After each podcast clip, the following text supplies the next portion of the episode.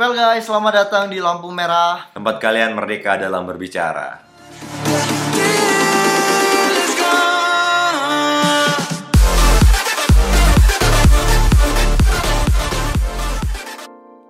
Oke, jadi beberapa hari terakhir, khususnya Ah, ah. sebelum dekat-dekat pemilihan umum ini, Tepatnya sih ya si Willy hilang ya guys, jadi nggak Iya, bisa record siap. gitu kan. karena kebucinannya dan juga beberapa hal yang tidak bisa kita sebutkan di sini. Akhirnya kita menunda beberapa konten-konten yang untuk padahal di-up- udah di udah di siapin ya. udah siapin. Udah disiapin. Kita bakalan ngupload konten-konten yang udah kita siapin. Tapi malam ini kita bakalan ngebahas atau nge-review sedikit tentang salah satu film dokumenter yang lagi happening banget di dunia maya Indonesia ini. Karena hampir eh, setiap orang yang menggunakan media sosial menjadi praktisi atau pengamat dadakan. Benar. Dan banyak kita sekarang lagi mencoba untuk menjadi pengamat dadakan juga. Benar. Nah, tapi menurut gue pribadi Alif ya, kalau di film ini banyak banget hal yang bisa kita tangkap mulai dari kehidupan sosial, kemudian juga kehidupan ekonomi dan Benar. juga kehidupan mengenai perusahaan-perusahahan itu sendiri. Itu banyak banget banyak banget yang bisa kita ambil dari film ini. Karena film ini sih sebenarnya dia uh, ada dua kalau gue menyimpulkan adalah dua ada dua tujuan tersendiri. Dia pengen menjadi satu pengingat. Mhm. Kalau ada dampak lain dari kebutuhan sehari-hari kita dan juga menjadikan social movement Oh benar, benar, benar. Biar kita lebih aware lagi terhadap lingkungan sekitar Lingkungan kita. sekitar kita. ya. Tapi mungkin bakalan kita mention aja langsung Ah. film apa yang bakalan kita review hari ini. Jadi kita bakalan nge-review film Sexy Killers. Sexy Killer. Pakai S. Pakai S, benar. Karena pertama kali jujur, pertama kali gue mencari film ini atau dokumenter ini di uh, media sosial media sosial YouTube, itu yang keluar adalah Sexy film. Killer. seksi kan gue nggak tahu tuh uh, apa sih yang lagi diomongin orang seksi killer Aha. seksi killer gitu kan tapi gue cari deh gue coba cari di YouTube seksi killer yang pertama kali nggak pakai S kan Ah. itu yang keluar adalah film semi Ah, film asik ya. film asik ya kan waduh kata gue kok film tontonan orang-orang sekarang kayak gini gitu ditonton kan. dulu ya. ditonton dulu asik kayaknya film-film kayak gini ya untuk dikonsumsi tapi Ternyata salah. sa- salah tapi nggak nggak juga Nggak juga. salah juga Iya, ketika gue nonton seksi pakai S Uh-uh. ya itu yang pertama adalah hampir semi semi Benar, juga benar. gitu kan Kalau di opening filmnya itu sendiri sih bisa buat orang beropini kalau aduh kayaknya film ini bakal menjurus ke film-film yang rada-rada dewasa sedikit. Benar. Tapi ternyata setelah itu banyak banget hal yang out of the box dari film Sexy Killers ini. dan ada banyak juga informasi-informasi yang ya kita nggak tahu dan juga kita yang nggak yang kita anggap ah ya udah deh gitu doang kok katanya kita pakai listrik ya kayak gini doang kayak gitu kan Nah, tapi ternyata runtutan dari penggunaan listrik itu tuh dampaknya banyak banget, gitu kan banyak banget, ada banget. ada berapa orang yang meninggal di balik itu ada berapa Orang. tambang yang rusak ah, sorry lahan tambang yang rusak kayak gitu ada kan. berapa banyak orang yang kena penyakit ya karena bener karena juga kayak itu. gitu kan jadi kita lebih lebih kayak yang gue bilang di awal tadi lebih tahu lebih tahu si apa sih sebenarnya yang terjadi di sekitar kita Tapi dari film ini sendiri ya gue bisa nangkap dua hal. Yang pertama positif sama negatif. Kalau menurut gue dari sisi positif nih, gue Ah. kasih sisi pos- positif dari tapi sebelumnya kayak gini sih kita pengen menyampaikan opini kita ya Benar, opini kita yang apa yang kita pikirkan setelah menonton film ini bukan berarti kita eh, tidak setuju atau gimana ya bukan berarti kita eh, berselisih pendapat dengan orang-orang lain karena Ah. Perbedaan ini. nah kita tuh pengen menyampaikan opini setelah kita menonton film ini Ah, dari sudut pandang kita berdua ya. Benar, sudut pandang kita berdua, apa yang kita pikirkan dan kita pengen ngobrol bareng sih sama nggak perspektif yang kita miliki setelah nonton film ini atau Benar. kita nggak memaksa kalian setelah mendengarkan ini, eh Alif sama Willy kok kayak gini sih mikirnya? Enggak, kita cuma menyampaikan apa yang kita uh, Apa pikirkan dari sudut pandang kita berdua karena setiap orang itu mempunyai sudut pandang yang berbeda ya. masing-masing, benar. Nah, dan kalau dari sudut pandang gue pribadi nih, da- dari sisi Ya. positif gue pribadi ya, di film Sexy Killers itu gue nangkep uh, hal positifnya itu tentang tambang, Ah. tentang tambang itu nggak sepenuhnya salah, uh, karena di berdasarkan artikel yang gue baca, kalau ternyata dari pertambangan itu sendiri memberikan pendapatan non pajak terbesar, ya non pajak. Ya non pajak terbesar sebesar 50 triliun rupiah kepada negara, dan itu menjadi pendapatan kedua terbesar, kedua terbesar ya. benar. kedua terbesar. Terus juga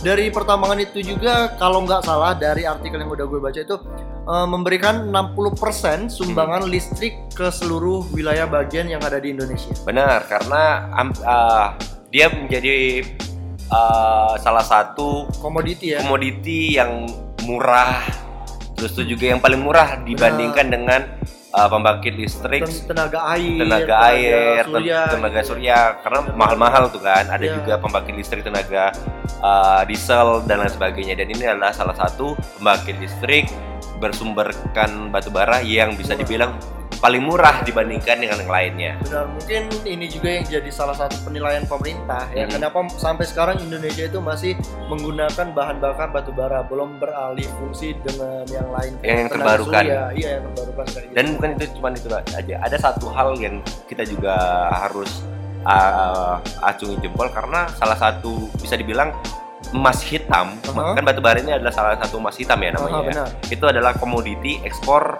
yang menyumbang komoditi ekspor kita sebesar 15%. Oh, ya? Benar. Oh, gue baru tahu loh kalau yang itu. Nah, itu dia sebenarnya ada positifnya yang uh, disampaikan Wahyu tadi ada beberapa hal positif yang ya kita jangan nggak boleh nutup mata juga dengan hal-hal itu Nah. walaupun setelah itu ada beberapa hal yang uh, Memberikan dampak dampak- negatif. uh, dampak negatif itu tadi salah satunya ketika kita nonton seksi killer tuh uh, banyak banget lahan-lahan tambang yang setelah diambil batu baranya, setelah diproses segala macam itu tidak direklamasi lagi. Benar, banyak banget apa ya hole gitu ya, lubang-lubang tambang yang Bukan eshole ya. Bukan, kalau SO kan beda. Jadi banyak banget lubang-lubang tambang yang nggak direklamasi oleh beberapa perusahaan. Tapi kalau menurut gue pribadi, Hah? Kalau berdasarkan yang gue baca dari laporan keuangan segala macam Ah. pertambangan yang legal, itu mereka selalu menganggarkan biaya untuk adanya reklamasi.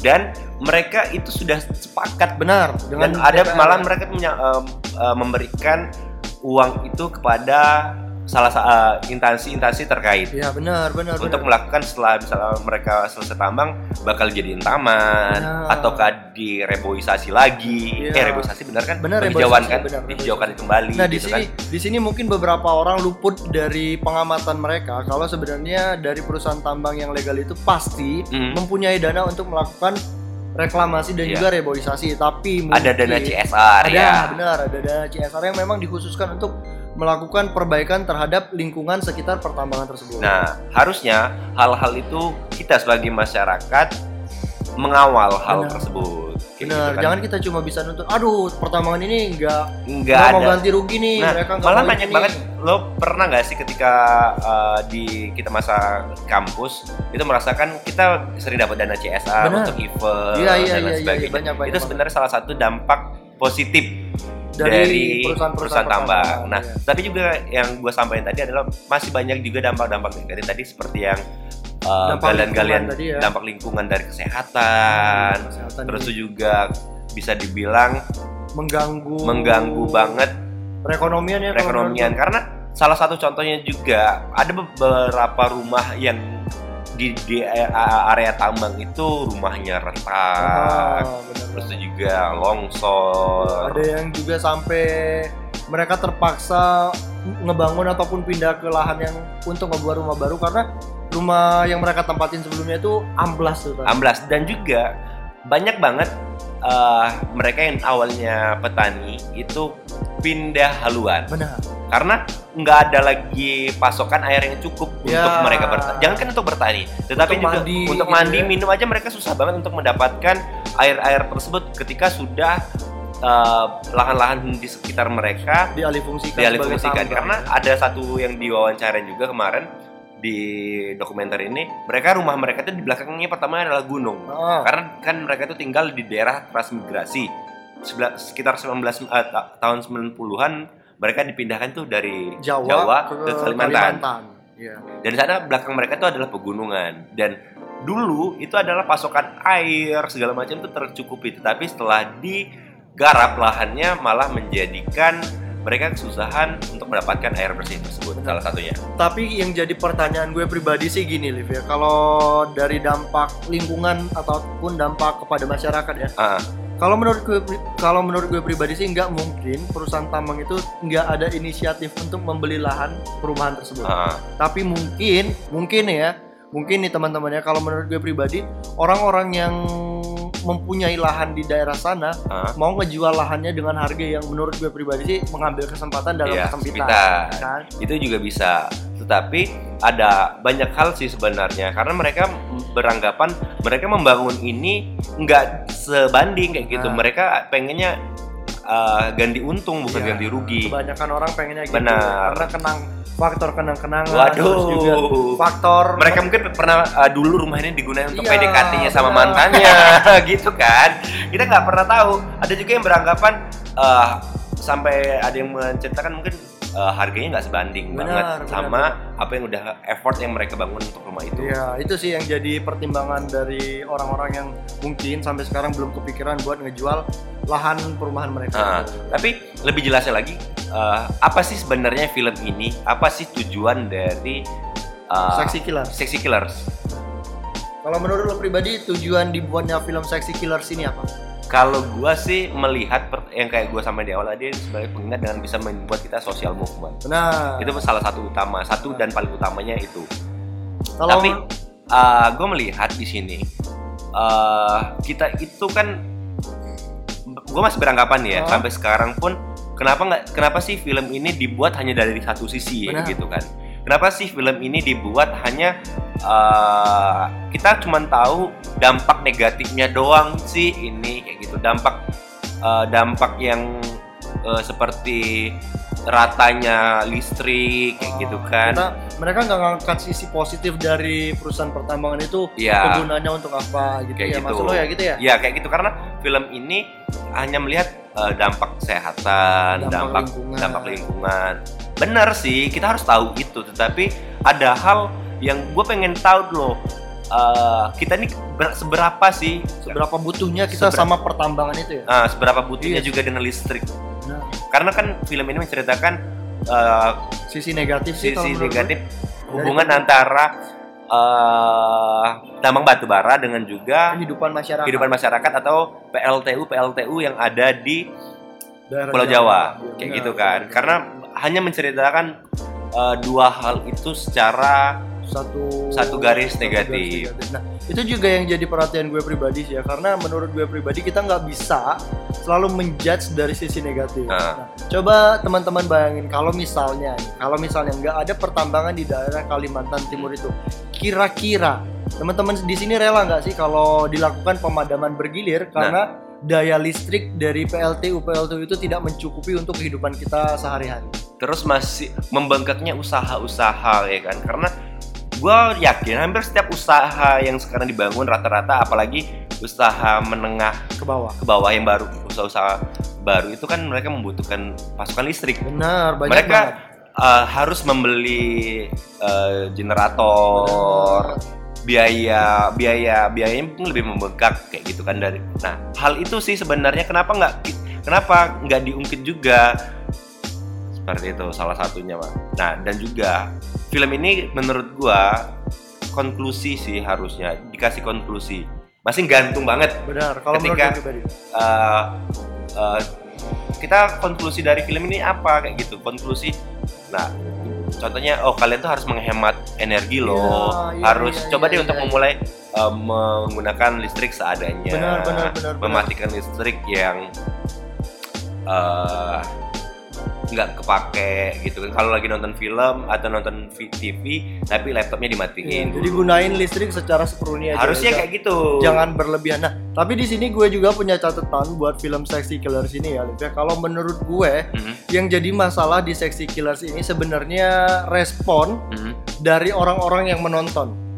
contohnya nih Contohnya, ada salah satu di tweet Twitter gue sempat baca, Mhm. itu dia kerja juga di tambang Kalimantan Timur situ. Ah. Dia bilang kalau sebenarnya yang ngebuat lobang segede-gede itu bukan tambang legal, tapi tambang ilegal, Ilegal. yang memang sengaja dibiarin oleh raja-raja kecil Ah. daerah sana karena mereka nggak mau ngeluarin cost yang terlalu besar untuk nutupin lobang tambang itu. Karena- Nah, Ke- Itu. Ketika mereka mau menutup lubang itu harus membutuhkan Dana biaya tambahan lagi, dong, benar. benar.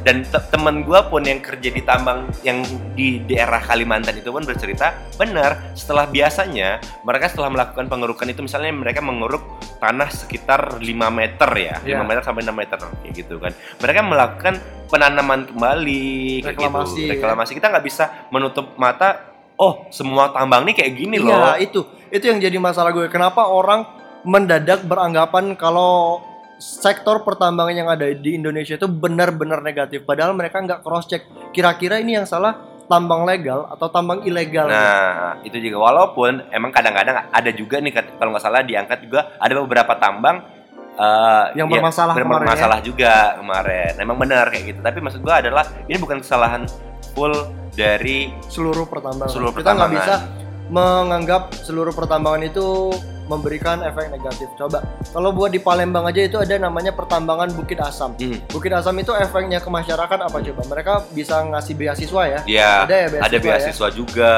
ada juga untuk eh, warga-warga di sekitar mereka. Benar. Dan secara nggak langsung untuk warga sekitar mereka memberikan lahan pekerjaan. Lahan pekerjaan bener itu itu kayak walaupun kata orang eh, Wah nggak seberapa Nggak nih. seberapa nih kayak Cuma gitu. jadi sopir nih. Heeh, tapi kan dia memberikan eh, satu pekerjaan yang tetap Benar, kita kayak benar. gitu kan. Jadi di sini buat teman-teman coba deh ya kita ngelihat juga dari sisi positif tambang itu jangan cuma menjudge kalau seluruh tambang di Indonesia itu negatif enggak men enggak Enggak, seluruh tambang itu negatif walaupun Walaupun kita kita bukan membela ya, tapi Benar. kita coba untuk ya oh, netral ya netral, kita ya. coba untuk netral ya. Dan ayo dong kita ber- sama-sama berpikir kalau uh, nggak semuanya yang tercurahkan apa yang kita pikirkan tuh 100% benar atau 100% salah. benar benar. Tapi di sini juga kita berdua mau ngasih catatan tentang pengawasan terhadap pertambangan itu sendiri. Kemarin setelah salah satu dampak bagusnya nih, salah satu dampak bagusnya ketika uh, Menteri Pertambangan. Menteri Pertambangan Bapak Ignatius Jonan itu uh, langsung katanya uh, uh, mau mendorong semua uh, konsensi tambang yang ada di Indonesia memberikan jaminan Aha. untuk uh, ketika sebelum mereka menambang harus ada uang jaminan untuk uh, salah satunya adalah untuk reboisasi Eh, tapi tadi, kalau nggak salah- itu juga untuk reklamasi juga. tapi kalau nggak salah sebelum mereka dapat izin itu mereka sudah ngeluarin uang jaminan loh nah harusnya, harusnya ya nah mungkin mungkin nih ya diambil ya diambil. butuh mungkin buat beli ayam mungkin ya Ah. mungkin mungkin ya mungkin. gua gua di salah satu part bagian itu adalah gua sangat kecewa adalah uh, gubernurnya? Ya bisa dibilang gubernur ya. Gubernurnya dia bi- bicara mungkin sudah takdirnya. Iya itu sih yang jadi catatan gue pribadi. Kenapa nyawa itu benar-benar dianggap enteng? Masa dia bilang ya udah mungkin sudah takdir mungkin ada hantu. Nah.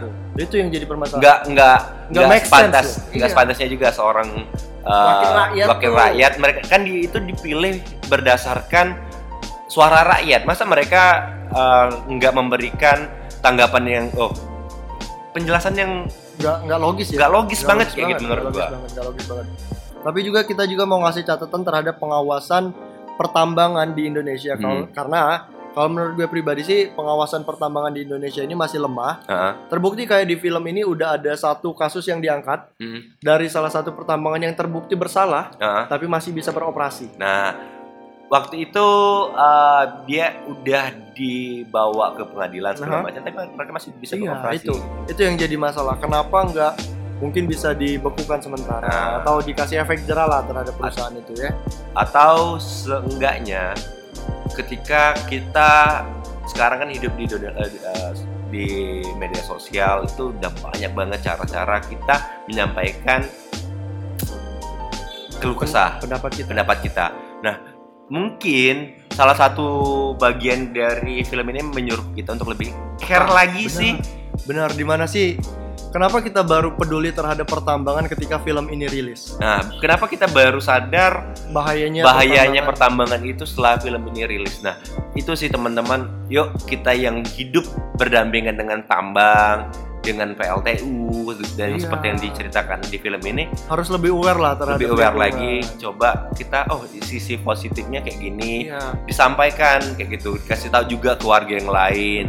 Eh ternyata tambang ini belum memenuhi kewajibannya Ah. untuk kayak gini kayak gini. Mungkin bisa juga diaduin ke DPR tuh, kan Dewan Perwakilan Rakyat Nah. tuh. Jadi mungkin bisa mengadukan uh, keluh kesam perihal pertambahan ini ke DPR ataupun ke gubernur, Ah. ke wali kota karena mereka berhak untuk melakukan tindakan. tindakan Mereka mereka, mereka punya- paling berat Iya, mereka duluan, punya power. izin usaha Dari itu- daerah dulu itu ya. dari daerah Dari- dulu dari daerah gitu dulu. kan baru ke pusat nah setelah itu kita punya catatan juga ternyata film ini nih eh, yang pembuat film ini nih nggak cuman eh gue Buat satu film. membuat satu film Enggak. tetapi dia udah beberapa 400 total dia udah ngebuat 540 film, Ah, 540 film feature TV, Mhm. terus dia juga ngebuat 125 episode film dokumenter dan Mhm. 40 di antara film dia itu dapat penghargaan. wow keren banget Iya, Keren banget. pembuat- Pembuatnya ini dari Watchdog. Watchdog dan yang diproduksi yang di eh, direct langsung oleh Dandi. Dandi Mas Dandi. Laksono, Mas Dandi Jadi- Laksono. Jadi Mas Dandi ini patut kita apresiasi juga. karena dia udah ngasih sadar kita loh Iya. sadar kita membuka mata kita secara luas Benar. ternyata ada hal-hal yang belum pernah kita perhatikan sebelumnya Dan perjuangan Mas Dandi dalam ngebuat film ini nggak gampang. nggak nggak sehari dua hari Nggak sehari. Dia ngebuat namanya Ekspedisi Biru untuk Ah. melak- untuk ngebuat film dokumenter perihal seksi killer ini. Ah. Jadi film ini dibuat dalam rentan waktu satu tahun Satu tuh, dari tahunan. awal Januari 2015 dan mereka itu keliling Indonesia keliling menggunakan Indonesia motor. motor Motor wow itu wow itu paling Gua gua salut salut banget mereka salut banget. mengorbankan terlepas itu ada yang beranggapan eh Mas Dendi itu kan ada sponsornya segala Benar. macam terserah sih gua tapi gua salut mengapresiasi mengas- uh, meng- mengasih apa ya effort yang besar banget gede banget men. Untuk bisa. mereka berdua. Nggak bisa nggak bisa nggak bisa. ke tim mereka gitu kan. Coba. keliling Indonesia menggunakan motor. Iya coba lo bayangin. Lo mau nggak? Gua motor. pun aku kelayu nggak ada yang tahu ya. Nggak ada yang maksudnya tahu, ya. gua Ke gua kampus. ke, ke kampus pun kadang-kadang naik motor males ya. males ya gitu loh. Karena kampus kita dari rumah ini jaraknya 32 km nah itu dia sih coba. jauh banget. coba jauh banget. Dan apalagi dan mereka keliling Indonesia keliling Indonesia mereka bahkan ngambilnya ke sampai Kalimantan Timur ke sampai ke Papua pelosok-pelosok ke pelosok pelosok gua kejauhan cuy ya nggak apa-apa siapa tahu Iya. Dandi mau ngebuat lagi kan nah itu sih eh, kita harus mengasih apresiasi Apresiasi lebih. juga, yang lebih. Eh tapi buat sekedar informasi juga nih buat teman-teman kalau ternyata film ini sebelum diupload di YouTube Heeh. itu udah ngelaksanain ngelaksanain nonton bareng itu di 476 titik. hampir di semua kota di Indonesia Iya, kota besar. hampir semua kota-kota besar ya Nah, kota besar. kota-kota besar di Indonesia sudah melakukan nonton bareng Dan dan katanya sebenarnya Mas Dandi ini nggak mau ngupload film ini ke YouTube, Kenapa tapi karena dipaksa sama yang udah nonton, Ah. katanya film ini harus diupload biar seisi Indonesia itu tahu, Tahu. makanya dia baru mau dan. Sekarang itu eh, Yang nonton? yang nonton itu udah sekitar 16 juta 16 juta. Coba hitung ya dari tanggal 16 sampai tanggal 19 baru tiga hari men 16 juta watch it. wow itu benar-benar eh, apa menurut gua adalah Apresiasi buat Mas apresiasi Dendi. banget dan Ya. itu cepet banget Enggak. naiknya cepet banget orang-orang menyebarnya untuk tahu Iya, film ini karena juga ini eh kalau nggak salah kemarin rilisnya itu di tanggal ini deh tanggal berapa? di tanggal 13 Tanggal 13 April. Enam ya? hari, sorry. Enam hari, udah 6 hari udah ya. enam hari dan udah mendapatkan 16 juta viewers Iya, dan gue harapin sih semoga para jurnalis-jurnalis di Indonesia ini lebih berani mengungkapkan sesuatu yang tabu. Kayak ini kan tabu nih pertambangan sisi negatifnya, tapi juga harus netral, harus Hmm. netral. Harus ada negatif dan harus ada positifnya. positifnya Biar Me- memberi uh, Ruang. gambaran dan ruang agar kita tuh nggak cuma memandang dari sisi satu-satu negatif. sisi, sisi doang kayak yang gue bilangin di awal tadi adalah coba deh kita uh, alangkah lebih bagusnya baiknya film ini diangkat dari dari A sampai Z kayak Ya. gitu loh dari sisi alasan kenapa ada pertambangan ini ada apa gimana, gitu ya. ada apa perma- ada apa alasannya untuk membangun PLTU ini terus tuh juga Keuntungannya keuntungannya apa? apa, kerugiannya apa Benar, benar. apa yang kita harus lakukan ketika uh, ada masalah. ada masalah kayak gini dan apa sih yang bisa kita lakukan lebih untuk menolong teman-teman kita yang menjadi dampak Benar. sekal uh, dampak lingkungannya itu. Benar, gue setuju tuh. Kalau one day misalnya ada lagi satu film dokumenter, gue berharap mengangkat dua sisi dari sisi negatif dan sisi positif biar pikiran masyarakat kita itu terbuka. Biar cuma selalu suuzon aja. Nah karena dampaknya yang gua rasain adalah ketika mungkin setelah beberapa teman-teman gua nonton film ini mereka oh bukan yang mungkin bukan yang itu yang dimaksud Iya. itu itu malah kayak golput segala macam itu itu yang itu yang, kita gue takutin. benar-benar sayangin ketika teman-teman gue ada beberapa teman-teman gue yang nonton film ini dan mereka uh, langsung berasumsikan oke gue gua golput deh golput karena bagian sini orangnya pro tambang bagian sini Ini. orangnya punya invest tambang nah itu, yang sama aja sih sebenarnya bukan itu yang pengen banget diangkat diangkat kalau menurut gue benar sama gue juga gitu mikirnya Jadi coba deh buat teman-teman juga mencari tahu lagi informasi-informasi yang baik kayak gitu kan. Jangan cuma mengkat-kat persepsi. Oh berdasarkan kemauan kita aja. Beda- ya benar. Coba untuk mencari informasi yang lebih dalam lagi. Dan sekarang gue pengen mulai coba kita menghemat energi Benar, mungkin dari hal simpel aja yang mungkin udah dari kecil kita tahu misalnya kalau keluar kamar matiin lampu, kalau keluar kamar matiin tuh TV, cabut listrik Cabut itu listrik. simpel banget sebenarnya. kayak gitu benar-benar simpel hal-hal mudah yang bisa kita lakukan untuk menyelamatkan dan mengurangi penggunaan batu bara Benar, dan satu lagi sih gue berharap pemerintah lebih aware dan lebih berani buat menggunakan sumber daya yang bisa diperbarui. yang terbarukan Ya, yang terbarukan ya. mungkin besok di kosan gue bakal gue bangun eh, Tenaga surya? tenaga surya kayak gitu Terserah, terserah terserah. ya pokoknya jangan mengambil kesimpulan dari opini kita berdua tapi kita cuma pengen menyampaikan apa, yang Apa kita yang- rasakan apa yang kita pikirkan dan semoga bermanfaat untuk kalian semuanya. Karena di sinilah tempat kalian merdeka untuk berbicara. Terima kasih dan sampai ketemu di episode lainnya. Besok. Besok. kalau nggak besok ya besoknya lagi